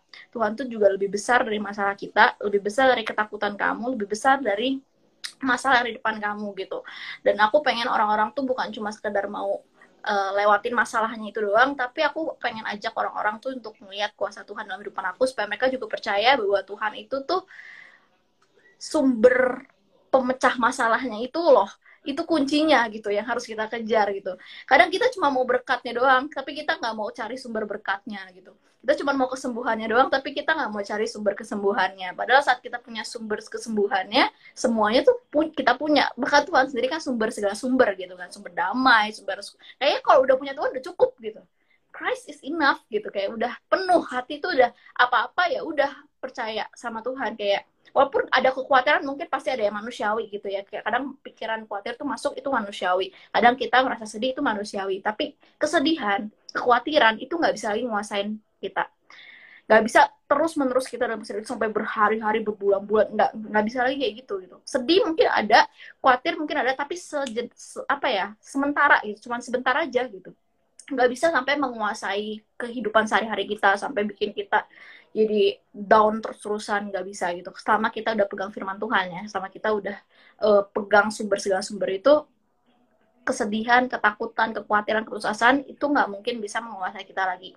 Ada mungkin ada manusiawi tapi nggak mungkin bisa menguasai kita. Karena Tuhan yang akan bantu kita lepasin itu semua gitu. Dari dari apa ya kayak kalau kita ter, terikat sama pikiran negatif itu kan rasanya tuh udah makin pokoknya kita makin jauh sama Tuhan makin gampang pikiran negatif tuh masuk menurut aku gitu. Karena aku pun juga dalam selama ini ya aku bukan kayak deket terus sama Tuhan nggak. Kadang aku juga ada masa-masa di mana aku tuh mulai kesibukan aku mulai jauh gitu ya. Tapi akhirnya di saat jauh itu aku mulai merasa kosong lah merasa motivasinya udah nggak bener lah. Balik Tuhan pasti kayak jewer kayak ingetin lagi nih kamu udah salah nih motivasinya nih.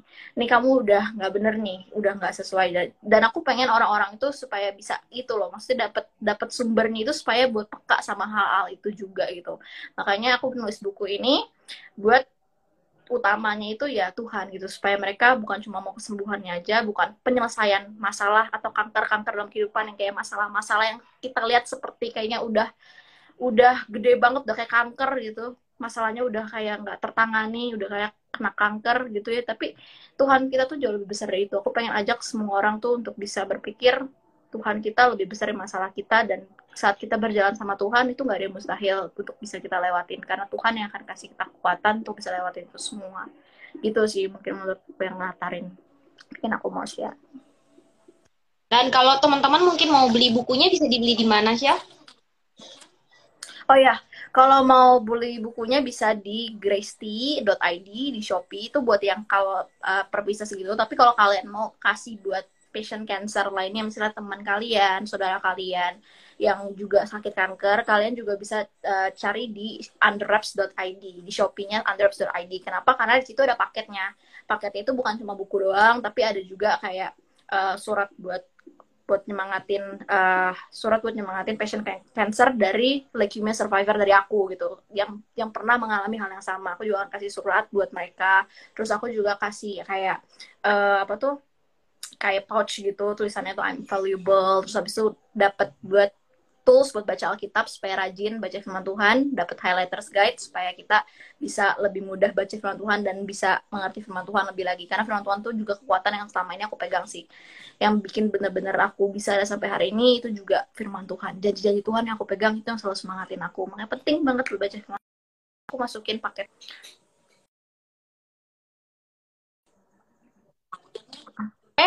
skip untuk baca firman Tuhan ya. Ini mungkin uh, di detik-detik terakhir ada yang nanya. Dari Talenta 2107, dia tanya, Kak, kenapa sih keluarga Kristen yang sering kali diserang? Kalau Michelle sendiri meresponinya bagaimana? Maksudnya tuh diserang, diserang, diserang sama mungkin kayak apa ngalamin ng ngalamin proses kali ya. Mungkin menurut dia kayak keluarga Kristen, orang Kristen tuh hidupnya susah banget. Sebenarnya karena menurut aku ya Tuhan sendiri kan bilang yang mau ikut dia harus pikul salib gitu harus siap pikul salib.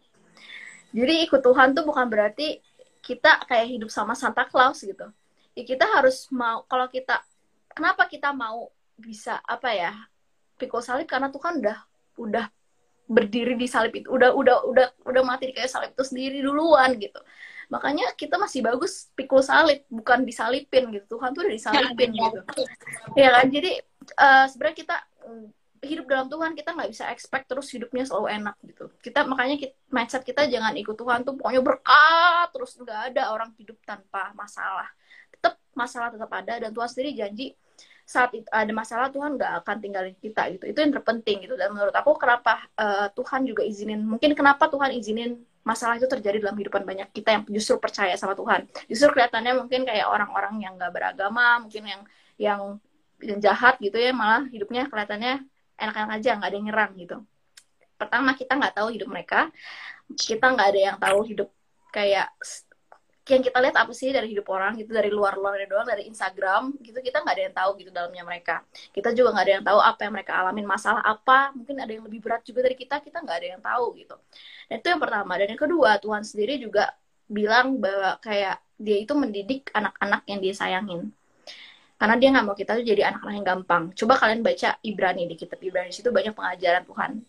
Jadi di situ uh, aku waktu itu dapat Ibrani bahwa Tuhan itu mau kita tuh dididik bukan kayak uh, anak-anak gampang. Karena Tuhan tuh anggap kita sebagai anak dia sendiri. Kayak seorang bapak didik anaknya itu dia juga bukan karena dia nggak sayang sama anaknya justru karena dia sayang sama anaknya makanya dia didik. Makanya dia kasih diomelin lah ditegur lah.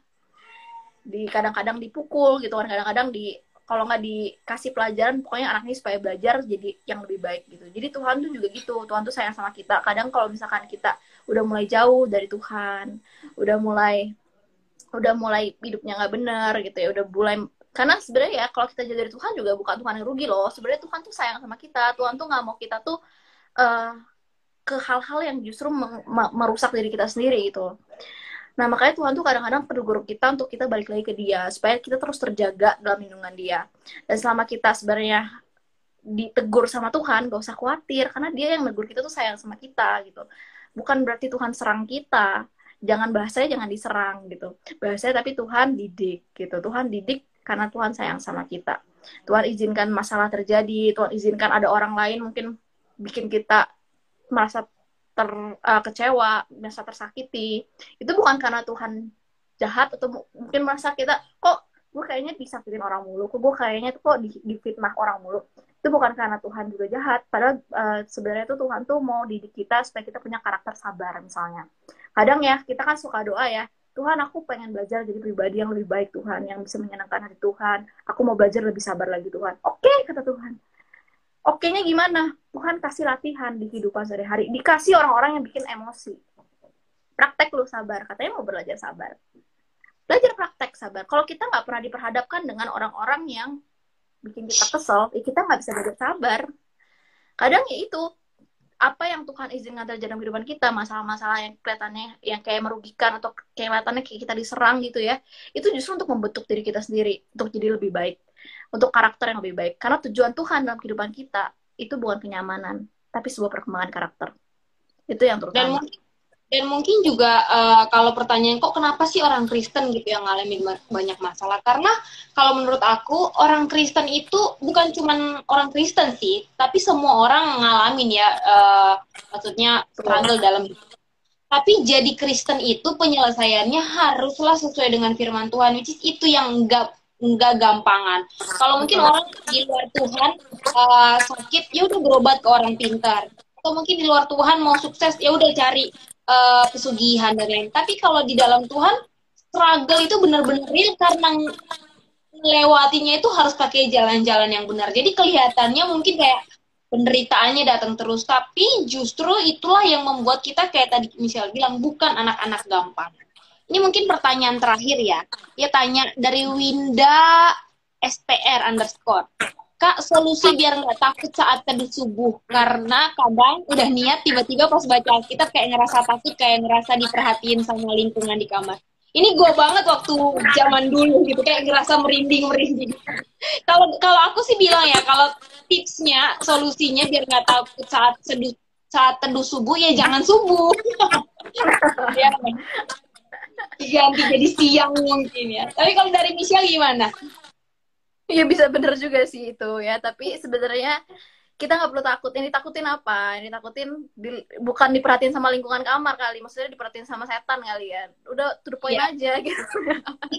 Lingkungan kamar lingkungan kamar siapa gitu. Ya yeah. sebenarnya gini loh. Setan itu tuh kita harus pahamin dulu. Kita tuh anak Tuhan. Anak raja gitu loh. Tuhan nggak mati buat malaikat. Tuhan mati buat kita Tuhan tuh tebus dosa kita gitu loh manusia berarti kita tuh berharga tuh berharga banget di mata Tuhan gitu. Jadi kita harusnya tahu level kita sama setan sebenarnya di bawah. Setan tuh di bawah kita. Karena Tuhan tuh lebih sayang sama kita. Kalau kita makin takut, dia nunjak nih. Setan tuh paling gak suka kita sadar sama identitas kita. Karena dia pengen kita tuh tahu bahwa dia tuh pengen rusak identitas kita supaya kita tuh gak percaya sama Tuhan gitu. Seringkali tuh identitas kita tuh sebagai anak Tuhan tuh dirusak. Karena dia tahu saat kita tahu saat kita ngerti siapa kita di dalam Tuhan dia tahu seberapa powerfulnya kita karena Tuhan akan bekerja dalam kita yang tahu identitas di dalam Tuhan makanya setan tuh berusaha semaksimal mungkin supaya kita nggak ngerti identitas di dalam Tuhan saat kita udah tahu identitas kita dalam Tuhan kita itu anak raja kita itu punya level yang lebih tinggi dari setan sebenarnya kita nggak perlu takut lagi sama setan gitu jadi uh, apa namanya kalau apalagi mau saat teduh saat teduh kan sama Tuhan gitu Tuhan ada di samping kamu 24 jam sama kamu. Kamu nggak perlu takut. Kalau setan ada di sama kamu, Tuhan juga ada sama kamu. 24 jam Tuhan tuh ada sama kamu. Jadi jangan mikir kamu diliatin sama setan doang. Kamu diliatin sama Tuhan juga.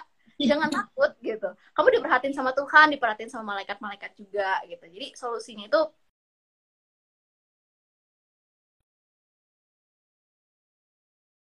gitu.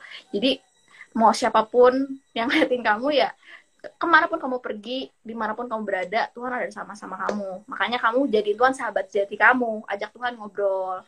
Karena kita tuh susah percaya kalau kita belum begitu kenal. Saat kita udah makin ngobrol sama Tuhan, kita akan merasa dia tuh selalu ada di sisi kita. Jadi kita udah nggak takut lagi sama apa-apa gitu. Karena ya Tuhan sama kita kok orang Tuhan pencipta segala yang ada di dunia ini, yang menciptakan malaikat-malaikat juga Tuhan ada di sebelah kita. Buat apa kita takut saat Tuhan bersama dengan kita?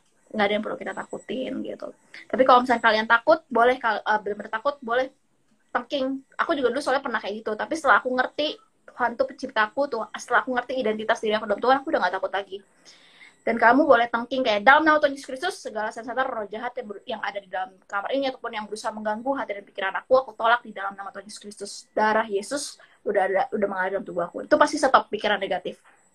Karena yang bikin kita takut kadang-kadang tuh pikiran kita sendiri. Padahal tuh kagak ada juga yang ngeliatin gitu. Jadi dan untuk setiap ada pikiran negatif hmm. dan untuk tahap awal mungkin ya bisa disiasatin gitu ya. Jangan jangan uh, jangan juga terpatok kayak saat teduh harus subuh. Itu juga bisa sampai benar-benar iman kita tuh terbangun gitu ya.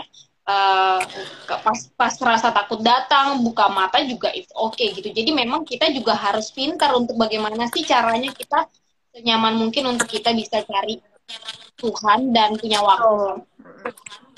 Nah, by the way, thank you banget Michelle udah sharing panjang lebar dan sangat memberkati kita semua dan semoga teman-teman juga semuanya diberkati. Jangan kapok nanti mungkin kalau PPKM udah berhenti kita bisa bikin worship bareng, Michelle bisa datang juga untuk kesaksian lagi sama teman-teman lebih banyak lagi.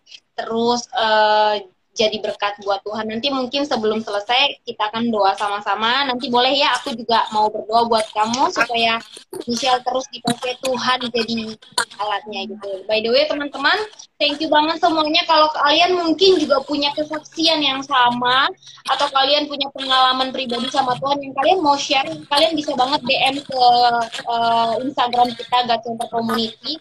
Nanti kita bakalan ngobrol sama-sama seperti hari ini kalian bisa share kebaikan Tuhan supaya uh, media ini bisa juga jadi sarana untuk terus menyampaikan kabar baik, kabar sukacita gitu ya, apalagi di tengah-tengah pandemi seperti ini banyak orang butuh kekuatan yang mereka lagi cari-cari. Uh, kita semua scroll uh, sosial media kita dan uh, mudah-mudahan semua teman-teman yang lagi nyari itu ketemu kabar-kabar baik seperti yang hari ini disampaikan gitu.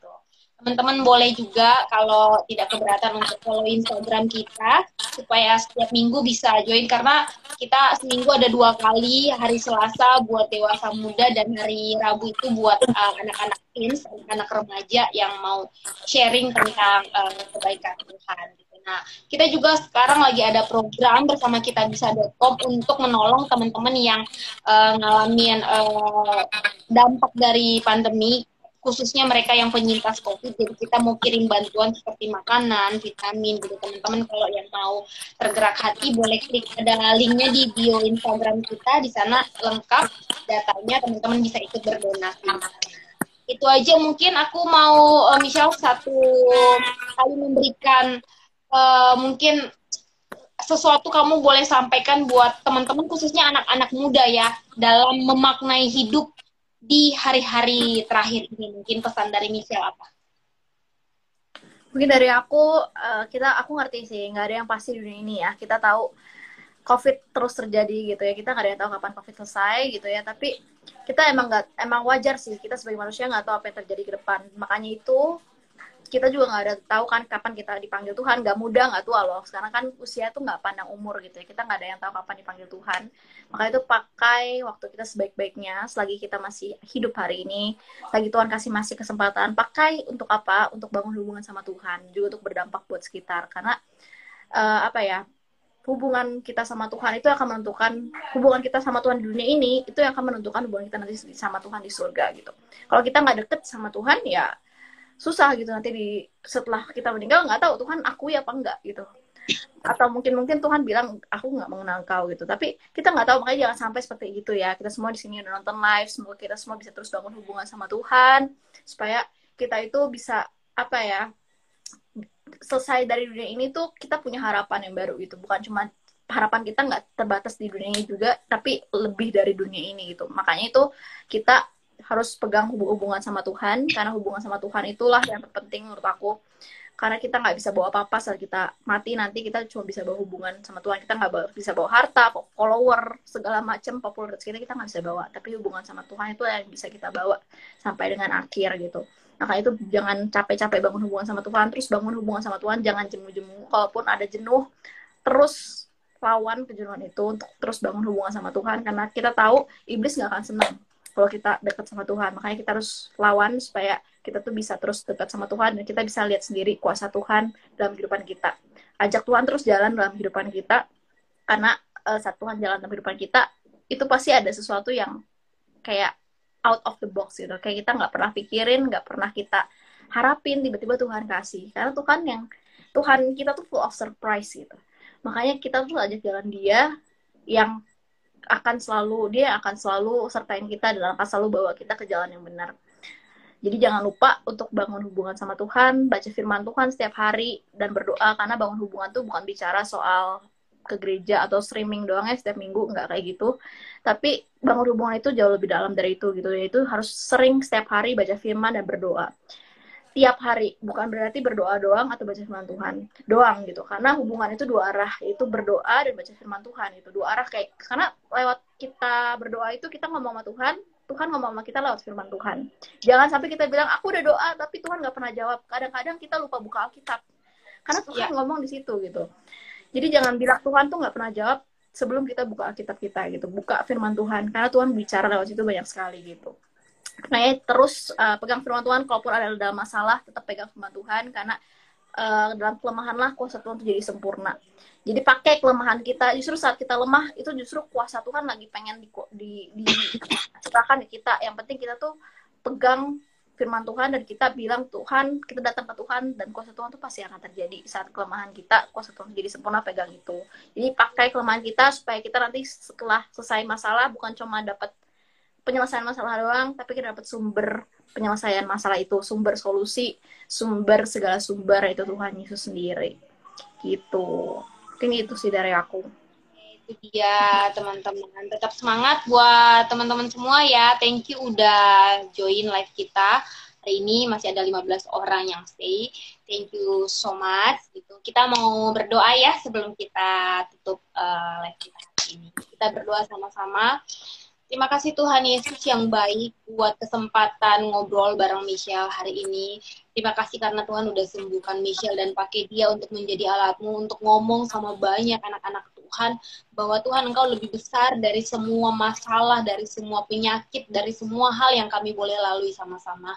Hamba berdoa juga secara khusus buat Michelle pakai Tuhan hidupnya untuk terus menjadi berkatnya Tuhan, tetap rendah hati, tetap uh, Tuhan upgrade dari hari ke hari untuk terus mengenal Tuhan lebih dalam lagi supaya nama Tuhan boleh terus dipermuliakan lewat kehidupan Michelle bahkan keluarganya.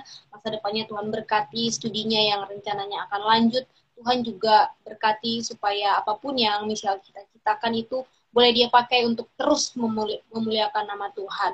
Uh, semua pekerjaan terus apa pun yang dia lakukan dalam memberikan semangat buat semua orang-orang yang sedang sakit hari-hari ini itu menjadi sesuatu yang luar biasa karena ada Tuhan di dalam kehidupan Michelle. Terima kasih Tuhan buat teman-teman yang juga hari ini sudah menyaksikan live kami bersama.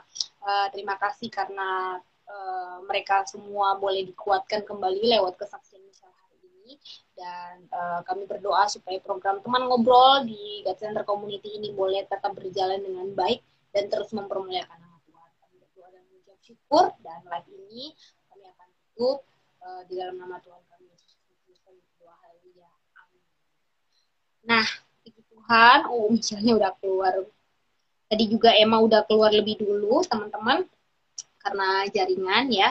Thank you semuanya yang udah join uh, hari ini Uh, mudah-mudahan teman-teman semua diberkati ya. Kita ketemu lagi minggu depan dalam program teman ngobrol dengan tentunya pembicara, bukan pembicara, teman ngobrol yang lain. Dan besok juga uh, kita bakalan uh, masih ada live jam uh, jam 8 ya kalau nggak salah itu sama anak-anak teens. Oh. Nah, nah sorry kak, ini tadi soalnya tiba-tiba mati. Iya nggak apa-apa.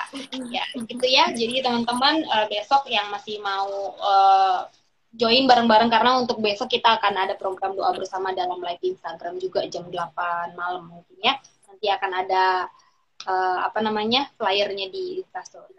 Oke, okay, itu dia. Uh, see you ya Michelle ya. Thank you banget. Oke, okay, sama-sama. Uh, semoga cepat ya. ya. Semuanya apa pun yang Michelle kerjain, uh, Tuhan berkati. Amin. Amin. God bless you. Thank you. Lancar-lancar juga meritnya, Kak. God bless. God bless. God bless semua teman-teman.